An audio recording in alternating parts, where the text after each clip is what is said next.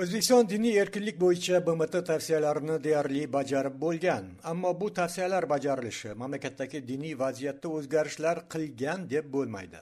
Vijdon erkinligi va diniy tashkilotlar haqidagi qonunni yangilash bmt tomonidan surilgan ammo bajarilmay qolgan so'nggi tavsiya ekanligi aytilmoqda.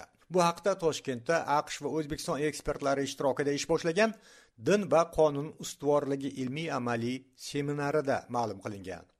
Ya'ni hizbi tahrirga o'xshagan guruhlarning faoliyatini misol qilib shu uchun endi buni mana bu maxfiy qarorni qabul qilgan bo'lsa u bekor asossiz.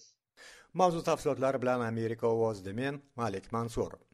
Toshkentda aqsh va o'zbekiston ekspert doiralari ishtirokida din va qonun ustuvorligi deb nomlangan ilmiy amaliy seminar ish boshlagan. Seminar ikki davlat mutaxassislarining o'zaro tajriba almashishi diniy erkinlik va qonunchilik sohasiga oid hamkorlik muhokamasi uchun tashkil qilingan. Diniy erkinlik ta'minlanishi aqsh tomonidan yaqingacha alohida tashvishga molik davlat qatorida ko'rib kelingan o'zbekiston uchun muammoli masala bo'lib qolmoqda. Rasmiylar bayonotiga ko'ra mamlakatdagi diniy erkinlik qonunchilikka doir vaziyat tobora xalqaro mezonlarga muvofiqlashib boryapti. Inson huquqlari bo'yicha milliy markaz direktori akmal saidovning din va qonun ustuvorligi seminaridagi ma'ruzasiga ko'ra o'zbekiston diniy erkinliklar masalasida bmt tomonidan berilgan ellik ikkita tavsiyaning ellik bittasini bajarib bo'lgan. Vijdon erkinligi va diniy tashkilotlarga doir qonunni yangi tahrirda qabul qilish bajarilmay qolgan so'nggi tavsiya. Bmtni din va e'tiqod erkinligi bo'yicha maxsus ma'ruzachisi ahmad shahidning ikki ming o'n yettinchi yilda o'zbekistonga qilgan safari davomida berilgan bu tavsiyalar e'tiqod erkinligini ta'minlash yuzasidan amalga oshirilishi lozim bo'lgan ishlarni nazarda tutadi. Bmt o'z tavsiyalari bajarilishi yuzasidan hozircha biror bir munosabat bildirmagan. Ta'kidlanishicha maxsus ma'ruzachi ahmad shahid o'zbekistonga qayta taklif qilingan. Bmt surgan ellik ikki tavsiyaning ellik bittasini bajarilishi o'zbekistondagi diniy vaziyatga qanchalik ta'sir o'tkazgani yuzasidan bildirilayotgan munosabatlar esa bahsli. Diniy faollar ijobiy o'zgarishlar emas aksincha siyosat keskinlasha boshlagani haqida gapirishyapti. Shvetsiyada yashayotgan dindor faollardan biri muhammad solhabutovga ko'ra bajarilgani ta'kidlanayotgan tavsiyalarning ayrimlari o'n yillar muqaddam ham mavjud edi. Qiynoqlarni bunaqangi surunkali qiynoqlarni davom etishiga chek qo'yishi so'ralgan o'sha zamonlar. Endi bu bugungi hozirgi ellik ikkita narsadan ellik bittasini bajardik deyayotganligi balki o'sha jaslikni mana mirziyoyev davrida yopilganligi aslida yopilmagan. Jaslikni ham endi e, haligi o'lim jazosi berilgan bir umrlik qamoq jazosi berilganlar e, o'sha saqlanar edi va bir qismida uni mana bu diniy mahkumlar saqlanar edi. Hozir diniy mahkumlar olib chiqib ketilgan bo'lsa boshqa zonalarga faqat hammasi o'sha nimalarga qoldi endi. Prezident mirziyoyev yangi bo'lgan payti edi endi ikki ming o'n oltida bo'lgan bo'lsa bu o'n yettida u kelgan uch to'rt oydan keyin bu prezident bo'lganidan keyin. O'sha paytda uni qabul qilib yaxshi kutib boshqa qilib muomalasini qildi. Chunki karimovdan keyin bir перезагрузка qilish kerak edi. Xalqaro munosabatlarni xalqaro tashkilotlar bilan munosabatlarni va bu narsaga majbur edi o'sha paytdagi e, demak mirziyoyev buni qildi. O'sha ma'noda uni qabul qildi ya'ni unga maqtanib dinga munosabati o'zgarayotganligini aytib u ham xursand bo'lib yaxshi qabul qilib o'zini o'sha fikrlarini aytib ketdi. Mana endi oradan ikki yil o'tgandan keyin eski hammom eski tos bo'lib qoldi. Masalan o'sha boshidagi ozmi ko'pmi ijobiy ishlarni ham bilamiz va bugungi kunga kelib hammasi yana aksincha yuz foiz bekor qilinganligini ham bilamiz. Bitta o'sha bilasizmi nima bo'ldi? Qur'on musobaqasi o'tkazildi. Hali bu narsa tarixda bo'lmagan karimov davrida bo'lmagan. Va imomlarni chaqirib iftorlik qilindi. Sal bo'lsa ham o'sha dinga munosabati o'zgarganligiga ishora deyildi bu narsalar yigirma bir ming kishini qora ro'yxatdan chiqarilganligini prezident mirziyoyevni o'zi bmtga borib dunyoga e'lon qildi.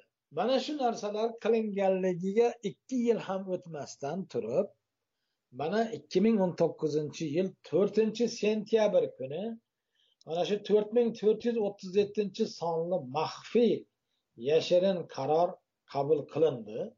Deydi abutov. O'zbekiston prezidentini mamlakatdagi diniy vaziyatni sog'lomlashtirish yuzasidan maxsus qaror qabul qilgani haqida oktyabr oyida ozodlik radiosi xabar bergan edi. Dindorlar namozxonlar hijobdagilar ustidan nazoratni kuchaytirish choralari belgilangan bu qaror. Hozirgacha diniy siyosatni yumshatish yuzasidan amalga oshirilgan ishlarning inkor etilishi sifatida baholandi. Ijtimoiy ma'naviy muhit barqarorligini yanada mustahkamlash chora tadbirlari belgilangan. Bu maxfiy qaror dindorlar qatlamini nishonga oladi. Unda amaldorlar rahbarlar o'rtasida dinga moyillarini aniqlash yuzasidan ham davlat xavfsizlik xizmatiga aniq topshiriqlar berilgan. Biz bilamiz bu qarorda mana yana o'sha qora ro'yxatlar tuzilishi yana o'sha e, nimaiki shu paytgacha qilingan bo'lsa xalqaro maydonda mirziyoyevni maqtash uchun islohotchi degan nom olish uchun va hokazo o'sha karimov davridagi diktaturani boshqani bekor qilayotgan islohotchi sifatida e, tan olina boshlangan bo'lsa nimaiki ishlar? Hammasi qaytadan masalan diniy qo'mitani to'liq nafaqadagi dxxning zobitlariga berilganligi yoki bo'lmasam ularning kattasi dxxning muovini sifatida e, tan olinishi va dindorlarni to'liq yana mxxning nazoratiga o'tkazilishi. Deydi abutov. O'zbekiston hukumati maxfiy qaror mavjud yoki mavjud emasligi yuzasidan biror bir izoh bermagan ammo so'nggi paytda mamlakatda diniy ayblovlar bilan hibsga olish holatlari ko'paygan. Huquq tartibot idoralari bu hibslarni diniy siyosatdagi o'zgarishlar suiiste'mol qilinayotgani aqidaparastlikka undovchi harakatlar kuchaygani bilan izohlashmoqda. Hali diniy erkinlikni o'zi yo'q o'zbekistonda hech qanaqa erkinlik berilgani yo'q. Uni suiiste'mol qilish uchun oldin u bo'lishi kerak bizda. Hali o'zi yo'q. Keyin u diniy erkinlikni siyosiy talqin qilinishi siyosiy yo'lda foydalanishi kabi bir vajlar ko'rsatilgan unaqa narsalar ham yo'q. O'zbekistonda hozircha hech qanaqa diniy erkinlik yo'q siyosiy erkinlik ham yo'q. Prezident mirziyoyev iqtidorga kelganidan beri masalan xorijdagi muxolifatni siyosiy muxolifatni hali kirgizgani yo'q. Dindorlarni ham mana shu e, siyosiy faoliyat qilayotganlikda ayblashi mutlaqo noto'g'ri.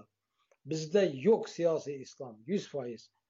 Endi mana bu hizbutlarni boshqalarni qog'oz tarqatishi xalifat quramiz deyishi boshqa gaplarni gapirib yurishi bu jiddiy siyosiy islomiy kuch deyilmaydi chunki biz bilamiz g'arbda hizbutlar e, legal faoliyat qiladi ularni hech kim tazyiq qilmaydi saytlar ochib qo'yibdi.